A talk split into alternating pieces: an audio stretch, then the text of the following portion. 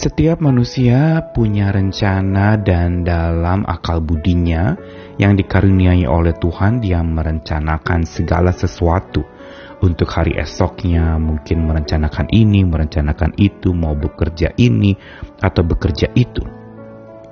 Namun sesungguhnya rencana kita manusia serba terbatas dan tidak semuanya bisa terselesaikan sesuai dengan rencana.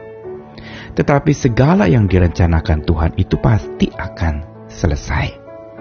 Karena itu betapa pentingnya untuk supaya kita bisa memahami satu bagian terpenting dalam penyelesaian segala rencana kita yang sudah kita susun begitu rupa, yang tentu saja kita harapkan itu bisa tuntas selesai dan terlaksana dengan baik sampai selesai sesuai dengan apa yang kita rencanakan.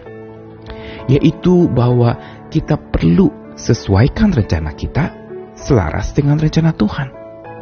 Karena penyelesaian segala rencana kita yang akan dan yang sedang kita jalani itu baru bisa terjadi tuntas dan selesai dengan benar karena kita menyesuaikan dengan rencana Tuhan.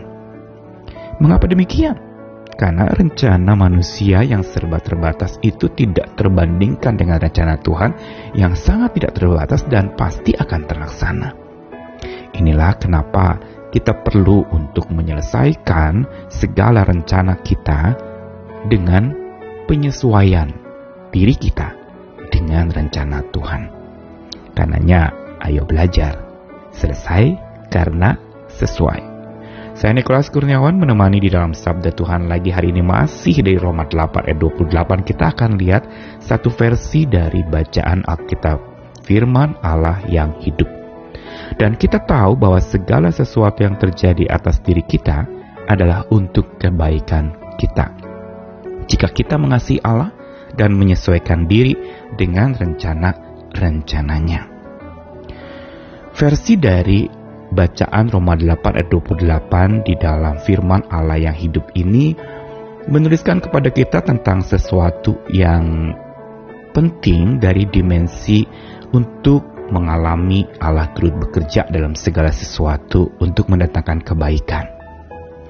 Yaitu bahwa di sini ditaruhkan sebuah perkataan yang penting selain orang yang mengasihi Allah atau yang kemarin kita renungkan yang sungguh-sungguh memberi diri untuk mengasihi Tuhan, yang menyadari diri dikasihi Tuhan, dan juga bersandar kepada Tuhan untuk mengasihi, maka syarat yang kedua untuk supaya seseorang bisa memahami dan mengalami bahwa Allah turut bekerja dalam segala sesuatu adalah menyelaraskan rencananya dengan rencana Tuhan.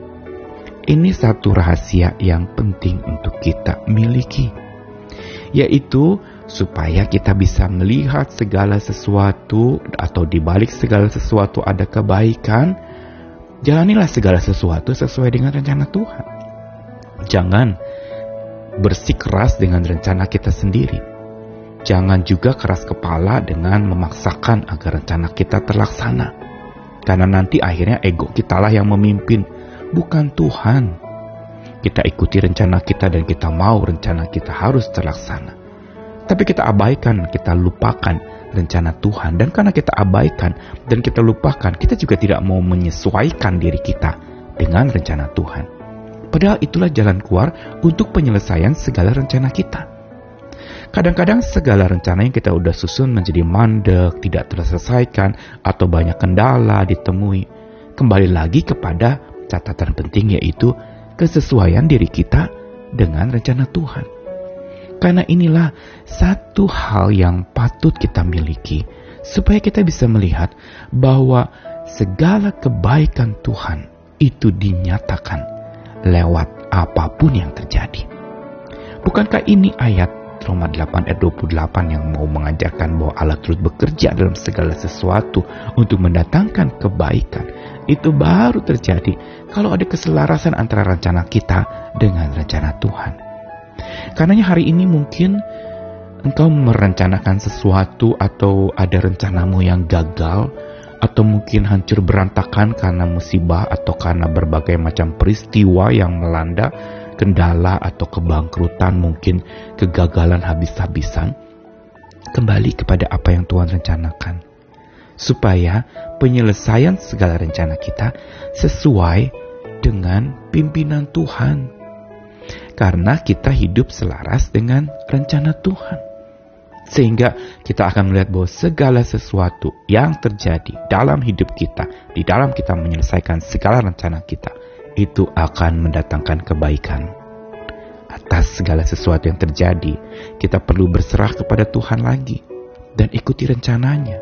Kalau ada lagu lama yang mengatakan indah rencanamu di dalam hidupku, dan lalu kemudian aku akan mengikuti jalanmu, mengikuti rencanamu yang indah, tapi benarkah rencana Tuhan kita indahkan? Atau kita hanya sebut indah rencananya, tapi kita tidak mengindahkannya untuk menjadi rencana kita. Jangan paksakan rencana kita bila gagal, bila tidak ada jalan keluar, bila semua penuh dengan berbagai macam kendala. Lebih baik justru datang menyesuaikan diri kita selaras dengan rencana Tuhan. Supaya saat kita merencanakan, Tetap rencana Tuhanlah yang memimpin, bukan rencana kita. Tetap kehendak Tuhanlah yang terjadi, bukan kehendak kita. Tetap pimpinan Tuhanlah yang terjadi, bukan kita yang memimpin diri kita sendiri. Selamat berjalan menyelesaikan rencanamu sambil dan dengan menyesuaikan diri selaras dengan rencana Tuhan. Maju terus bersama dengan Tuhan, kita akan diurusnya. Amin.